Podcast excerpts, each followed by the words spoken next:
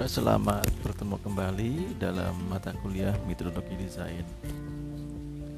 Kali ini saya akan membahas tentang salah satu isu desain yang juga hadir di akhir abad ke-20 dan menjadi semakin fenomenal di abad ke-21 yaitu konsep tentang eco design.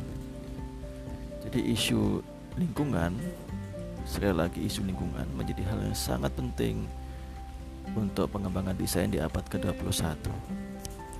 Jadi para ahli ekologi juga sudah mulai menyadari betul bahwa keberadaan material yang diciptakan manusia itu bertampak tidak baik pada lingkungan ini meskipun tidak semuanya.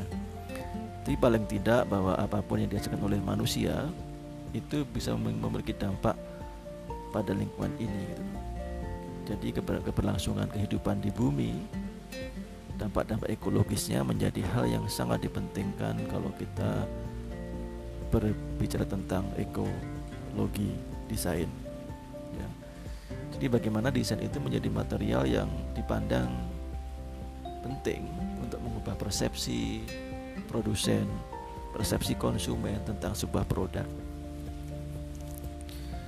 Jadi ketika di awal-awal dulu ketika manusia berinovasi menciptakan sesuatu entah itu benda, entah itu peralatan yang membantu keberlangsungan hidupnya.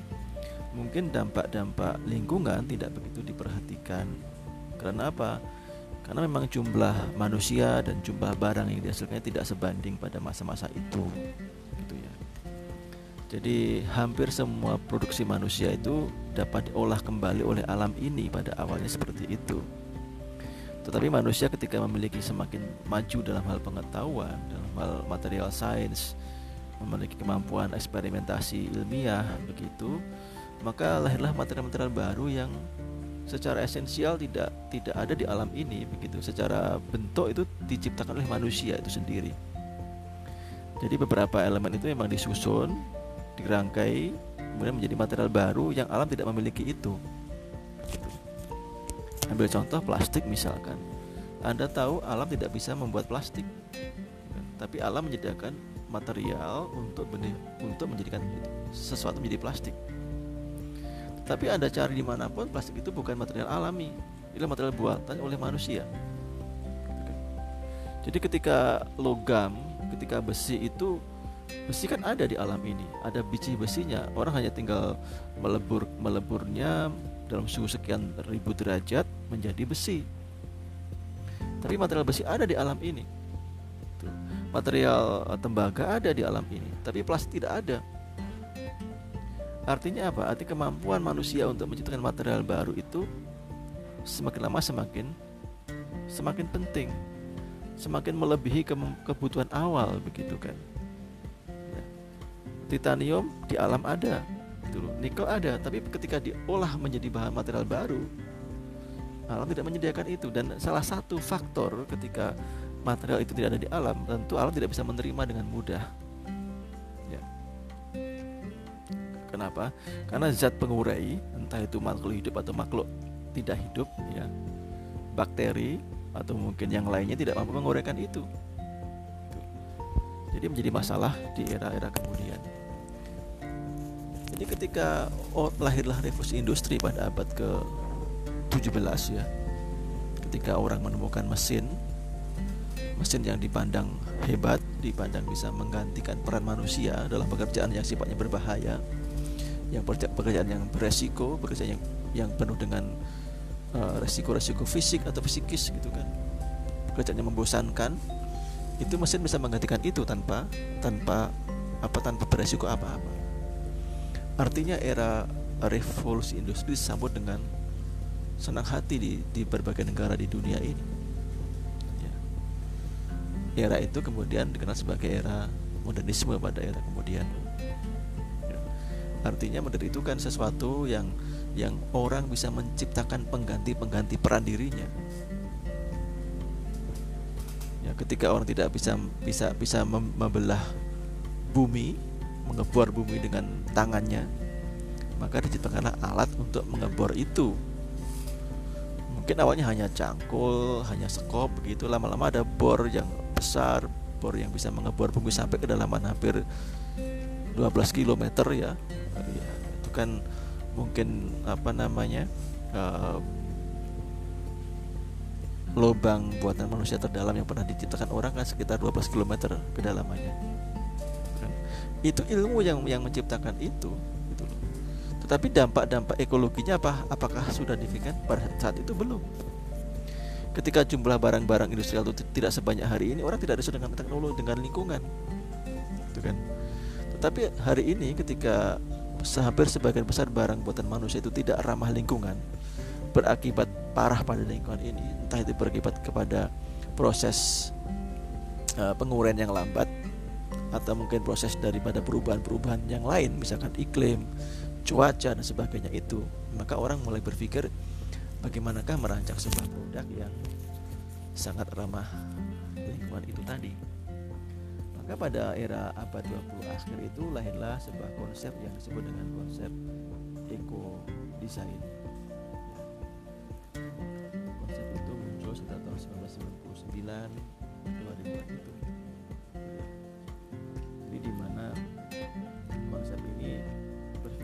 tentang uh, sebuah produk itu harus memperhitungkan dampak lingkungan dari bahannya dari sumber daya dan bah dan bahkan sampai skenario akhir dari uh, produk itu sendiri seperti apa ya. dan yang ujungnya adalah mengurai dampak lingkungan dari produk itu sendiri. Dengan kata lain, desain produk itu dilakukan dengan mempertimbangkan kondisi lingkungan. Sesuatu yang agak mirip dengan pertemuan sebelumnya ya. Memang Anda tahu bahwa hari ini orang perlu menciptakan desain itu biasanya berbentuk pada dua hal yaitu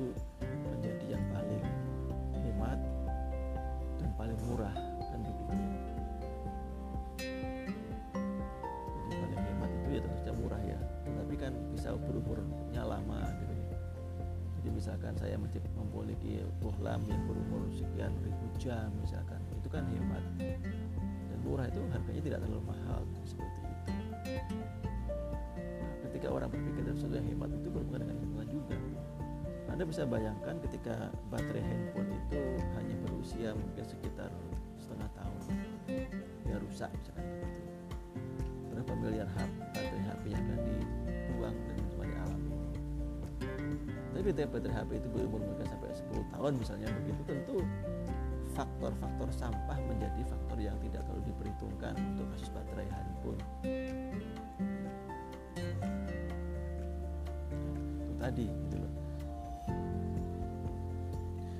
Konsep eco design itu lahir dari hal seperti itu.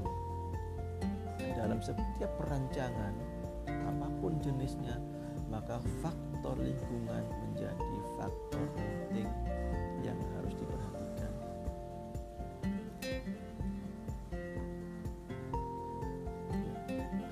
jadi nilai lingkungan itu sangat utamakan selain faktor biaya dan kinerja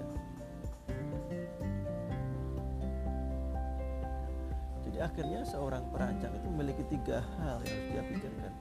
Pertama, bagaimana membuat biaya yang optimal, seefisien mungkin biayanya. Kedua, dengan kinerja yang yang yang, yang efisien, kinerjanya. misalkan uh, kalau anda naik motor metik itu kan hanya tinggal gas rem gas rem itu kan efisien dibanding anda pakai motor manual. Itu juga diperhitungkan gitu dan ketiga hal yang paling penting dampak lingkungannya juga dipentingkan dalam hal itu tidak hanya masalah biaya masalah kinerja tapi juga masalah lingkungan akhirnya pendekatan desain lingkungan ini semakin penting dan semakin populer pada hari ini misalnya Anda mendesain ruang kerja Anda mendesain booth mendesain uh, interior misalnya bagaimana bahan-bahan yang Anda pilih tadi menjadi bahan yang sangat ramah lingkungan. Tentu barang yang hemat, yang awet.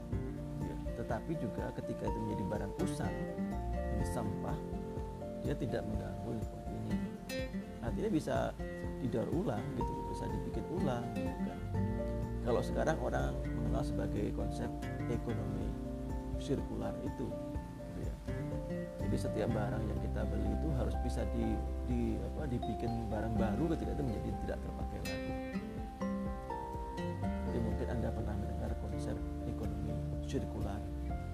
sekarang sedang digaungkan oleh pemerintah kita gitu kan jadi pemerintah Indonesia memang sedang membangun itu dengan BRIN-nya BRIN itu Badan Riset Inovasi Nasional itu jadi sekarang itu kan semua lembaga penelitian di banyak lembaga entah di pertanian, di pertahanan, di ilmu pengetahuan itu digabung jadi satu menjadi BRIN. Nah, sekarang kan seperti itu. Ini ini hanya untuk pengembangan saja ya. Jadi kalau ada ada muncul kata BRIN itu isinya adalah para pemikir, para konseptor, para para peneliti gitu ya yang berupaya berupaya membangun negara ini menjadi lebih bagus. Itu BRIN kalau dulu kan misalkan departemen pertanian punya lembaga riset sendiri departemen pertahanan punya lembaga riset sendiri bahkan LIPI lembaga ilmu pengetahuan juga punya lembaga riset sendiri sekarang semua lembaga itu digabungkan di satu dalam pada namanya BRIN dan BRIN itu langsung bertanggung jawab pada presiden. Ketua BRIN itu serta dengan dengan menteri gitu loh. Jadi kita tahu bahwa Indonesia itu kan ada menteri ada pejabat setara menteri. Nah, BRIN itu adalah salah satu pejabat setara menteri tadi. Nah BRIN inilah yang kemudian menjadi orang-orang yang berpikir bagaimana desain itu lebih bagus gitu. bagaimana Indonesia lebih lebih maju dan seperti itu nah itu saja lah itu sekedar hanya apa ya pengetahuan saja supaya anda tentu tidak tidak tidak heran apa itu BRIN gitu ya apa tugasnya apa fungsinya apa yang karena anda nanti ketika anda menjadi seorang ketika dari kampusnya anda lulus begitu dan anda menjadi seorang uh, peneliti seorang pemerhati desain misalkan seorang yang inovatif kreatif itu bisa menginduk pada brand tadi itu tadi di situ. Kan desain itu kan orang-orang orang-orang yang sangat uh, sangat kreatif kan sebetulnya jadi anda ketika sudah sudah masuk di di, di DKV itu sebetulnya anda sudah terikat kontrak sebagai manusia kreatif begitu yang harus punya banyak inovasi harus punya banyak pengetahuan, punya banyak pendekatan, punya banyak metode untuk menyelesaikan masalah-masalah desain. Kenapa saya sekarang bicara tentang eco design? Karena itu isu penting dalam desain pada pada abad-abad ini begitu. Anda silakan pakai pakai metodologi siapa pun, tapi ingat pendekatan metodologikal ekologikal itu sangat sangat di, diutamakan. Nah, jadi sebetulnya tidak hanya pada masalah masalah apa ya masalah bahan gitu ya tapi juga bagaimana energi itu menjadi menjadi paling efisien misalkan ada mau desain rumah misalkan kita kan negara tropis kan yang matahari itu hampir 12 hampir 12 jam bersinar di negara kita artinya matahari itu menjadi sumber energi yang yang, yang sangat murah gitu. rumah tropis itu rumah yang sebenarnya tidak butuh uh, apa, lampu di siang hari harus seperti itu karena itu berhubungan dengan masalah konsep hemat energi konsep ekologi tadi gitu. kecuali memang itu nggak punya pilihan ya gitu tapi sebetulnya daerah uh, Indonesia itu daerah yang sangat kaya cahaya negeri cahaya gitulah negara kita itu kan. Negara yang hampir 12 jam lebih matahari tidak pernah berhenti menyinari bumi ini. Artinya tenaganya sangat luar biasa. Ya, kan energi itu matahari itu kan energinya tidak tidak tidak ada yang menyamai kan kalau anda bisa bayangkan hanya seper 100 matahari itu sampai jatuh ke bumi ini hancur gitu kan seper seribunya lah dari matahari ini. Misalkan seper seribu potongan matahari itu jatuh ke bumi. Ya bumi itu sudah habis gitu kan. Kan bumi itu kan uh, hanya kecil dibandingkan dengan matahari itu saja. Jadi sumbernya seperti itu. Itu penting penting di situ. Itu namanya eco jadi matahari yang tidak tidak apa tidak pernah stop ini bisa dimanfaatkan sebagai penerangan alami di siang hari. Nah, jadi tidak perlu lampu yang yang terlalu besar nyala di siang hari gitu. Itu itu juga konsep ecological design. Genteng genteng ya. Genteng itu genteng yang diganti panel surya misalkan. Anda bisa bayangkan panel surya itu itu murah sangat murah misalkan kita nggak butuh PLN dengan dengan dengan dengan maksimal gitu. kita hanya butuh beberapa persen aja jadi design itu seperti itu cara berpikirnya gitu.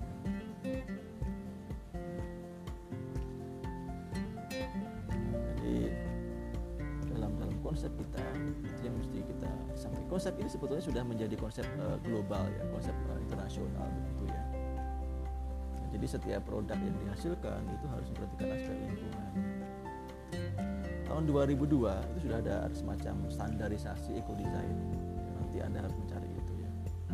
Jadi SOTC 207 itu salah satu standar eco design yang berlaku secara internasional. Jadi bagaimana sebuah itu ramah lingkungan seterusnya itu. Itu ada angka-angkanya ada standarisasinya.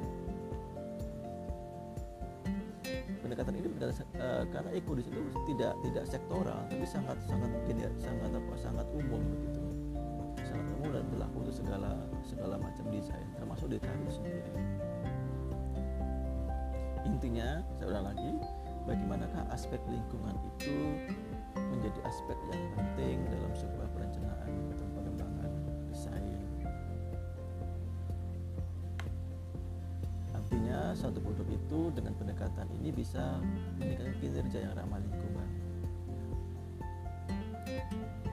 tapi anda harus tahu bahwa konsep eco design itu tidak sendirian. Jadi dia adalah satu bagian penting dari proses yang lainnya ya, dari proses pengembangan produk itu. Kalau kita bicara tentang konsep produk design kan begini tuh jadi ada product planning. Jadi ada produk. Nah, ketika kita merancang sebuah produk itu ada yang environmental assessment setiap produk yang kita desain itu harus ada namanya environmental assessment. Jadi ada penilaian lingkungan. Bagaimanakah ini akan digunakan? Siapakah yang akan menggunakan ini? Perspektifnya seperti apa? Apakah ini untuk orang-orang normal atau orang-orang dengan kondisi inklusif seperti itu? Itu environmental assessment. Nah dari sinilah kemudian menjadi faktor-faktor ini di, dipertanyakan. gitu. Jadi misalkan begini saya merancang sebuah MOOC misalkan bahannya porselin itu hal yang sederhana kan MOOC itu. Tapi anda berpikir MOOC ini nanti mau diapakan? Ketika dia pecah ketika dia tidak lagi berguna mau diapakan? Berapa lama dia menjadi bermanfaat dalam hidup hidup si pembeli ini? Setahunkah dua tahunkah begitu. Artinya ada life cycle-nya harus di, kedua siapakah penggunanya? Bagaimanakah pandangan orang tentang misalkan kalau saya tanya kepada anda mungkin itu apa sih? Anda pasti punya bayangan tuh bentuknya seperti seperti ini. Bentuknya pasti bulat ada gagangnya. Kalau nggak ada gagang gagang itu bukan MOOC namanya. Itu kan stakeholder perspektif. Di pandangan persepsi pengguna terhadap MOOC barang itu apa kira-kira? Nah misalkan saya bilang kepada anda misalkan mesin memotong rumput gitu. Anda kan sudah punya persepsi di benak anda bagaimana bentuknya bagaimana sistem kerjanya dan bagaimana suaranya ini hal ini harus kita perhitungkan dalam pandangan produk dulu orang nggak berani itu bikin minuman air mineral dengan warna selain selain biru dia mikir-mikir gitu kalau saya warna saya merah itu berarti obat kuat gitu. kalau biru itu berarti obat yang apa minuman yang menyejukkan gitu. itu kan dulu seperti itu Kenapa? Karena dalam benak si pengguna itu ini yang ada di otak mereka. Ketika itu diubah persepsinya jadi berbeda, kesannya berbeda. Anda bisa cek sekarang, hampir semua air kemasan minuman itu berwarna kebiruan. Itu persep, perspektif si pengguna memang seperti itu. Kalau Anda jual air, air mineral yang jernih itu dengan warna hitam, orang akan berpikir apakah ini benar? Nggak salah begitu itu perspektif dari stakeholder seperti itu. Nah pertimbangan dari dari life cycle produk dari persepsi konsumen itulah yang menjadi um, isu utama dalam pengembangan eco design Jadi orang bertanya kira-kira apa sih dampaknya? Bagaimanakah dia berkomunikasi dengan mereka? gitu jadi misalkan muk tadi muk itu ada bahan apa saja. Kalau dia rusak mau dia mau dibuang ke mana? Bisa nggak diuraikan ulang? Nah ini kan pertanyaan tentang tentang diapakan jangan hanya berhenti nanti nanti nggak bisa begitu. Setiap barang mesti punya ajal. Dan ketika itu menjadi menjadi menjadi barang yang tidak lagi berguna dibuang dan barang ini mau diapakan? Siapa yang bertanggung jawab tentang itu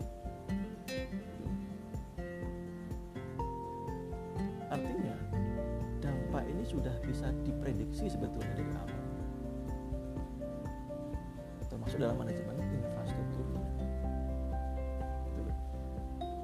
nah, dari situlah lahirlah konsep ecodesign tax. Setelah itu yang terakhir bagaimanakah environmental komunikasinya terjalin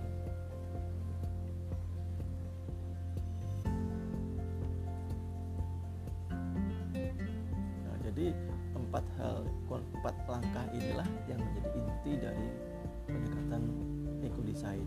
Jadi product planning yang pertama yang kedua environmental assessment yang meliputi life cycle dan stakeholder perspektif yang ketiga adalah eco design tax dan yang ketiga environmental communication.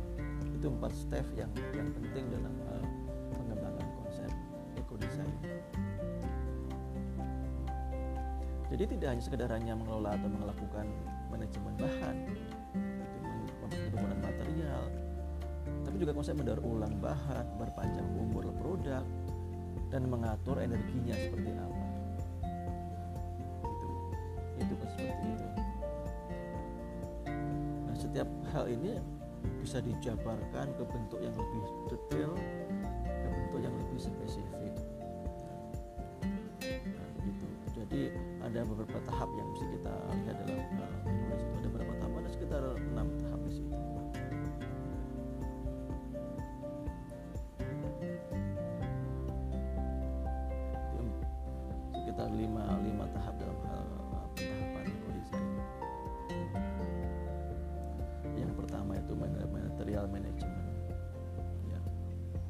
itu tahapnya strateginya seperti itu. Jadi manajemen materi isinya apa? Misalnya bagaimanakah uh, kita tahu berapa sih usianya produk ini umurnya berapa lama? Anda ketika membuat balon dengan polybread harus tahu berapa umurnya? Apakah seminggu sebulan atau tiga bulan harus tahu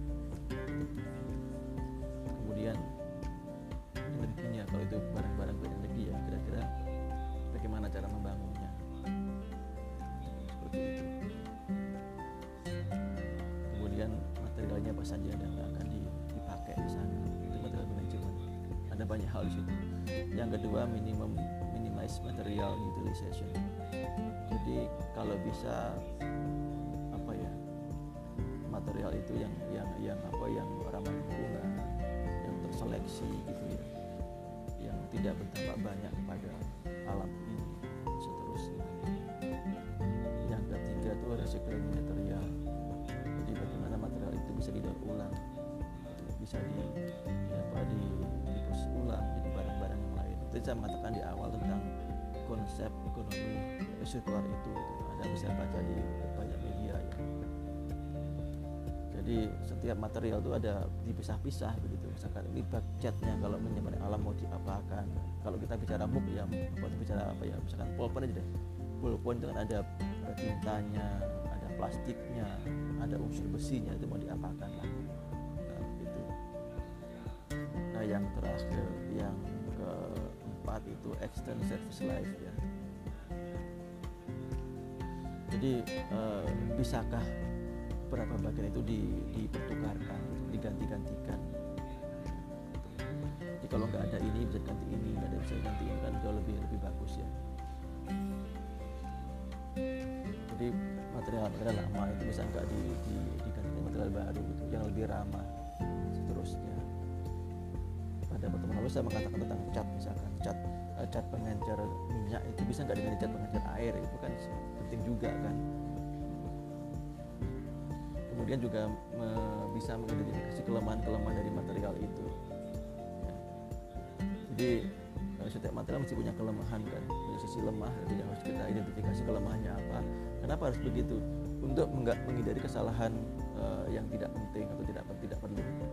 Kadang-kadang misalnya begini uh, plastik ini ketika kena panas dia rusak enggak rusak bagaimana apa solusinya? Itu kan sudah ada ada teorinya begitu gitu nah yang ada lagi tentang konsep setiap material pasti ada potensi perusakan kan? Merusak itu apanya jadi ketika anda merancang desain tentu ada faktor-faktor tertentu yang bisa membuat barang ini rusak. Anda merusak apa? Setiap material pasti ada faktor-faktor yang merusak. Entah itu merusak lingkungan merusak apa pun pasti ada yang terakhir yang kelima itu energi utilization ya. jadi kalau bisa uh, itu adalah anda menghabiskan sedikit energi gitu ya tidak terlalu besar energi alam ini ya, jadi uh, yang kemudian kalau toh itu menggunakan material energi juga tidak banyak boros atau yang terbuang sia-sia nah, itu konsep-konsep tentang eco design ya. jadi anda bisa menerjemahkan dalam konteks uh, di kafe seperti apa jadi ini konsep global yang sudah apa, sudah berlaku semenjak awal abad ke-21. Saya pikir itu secara singkat tentang pengertian dari eco design. Nah, untuk hari ini Anda punya tugas individu tentunya yaitu membuat makalah design dalam desain komunikasi visual. Jadi buatlah makalah uh, singkat satu dua lembar atau tiga lembar begitu tentang aplikasi design pada DKV apa yang bisa anda kerjakan apa yang bisa anda lakukan tentang konsep-konsep itu. Jadi bahas lebih dulu apa design kemudian baru bahas bagaimanakah konsep ini diterapkan di diskom kira-kira seperti apa bentuknya. Dan berilah contoh-contohnya. Saya pikir uh, begitu untuk pertemuan kali ini tentang konsep desain kita bertemu lagi di pertemuan berikutnya. Selamat siang. Assalamualaikum warahmatullahi wabarakatuh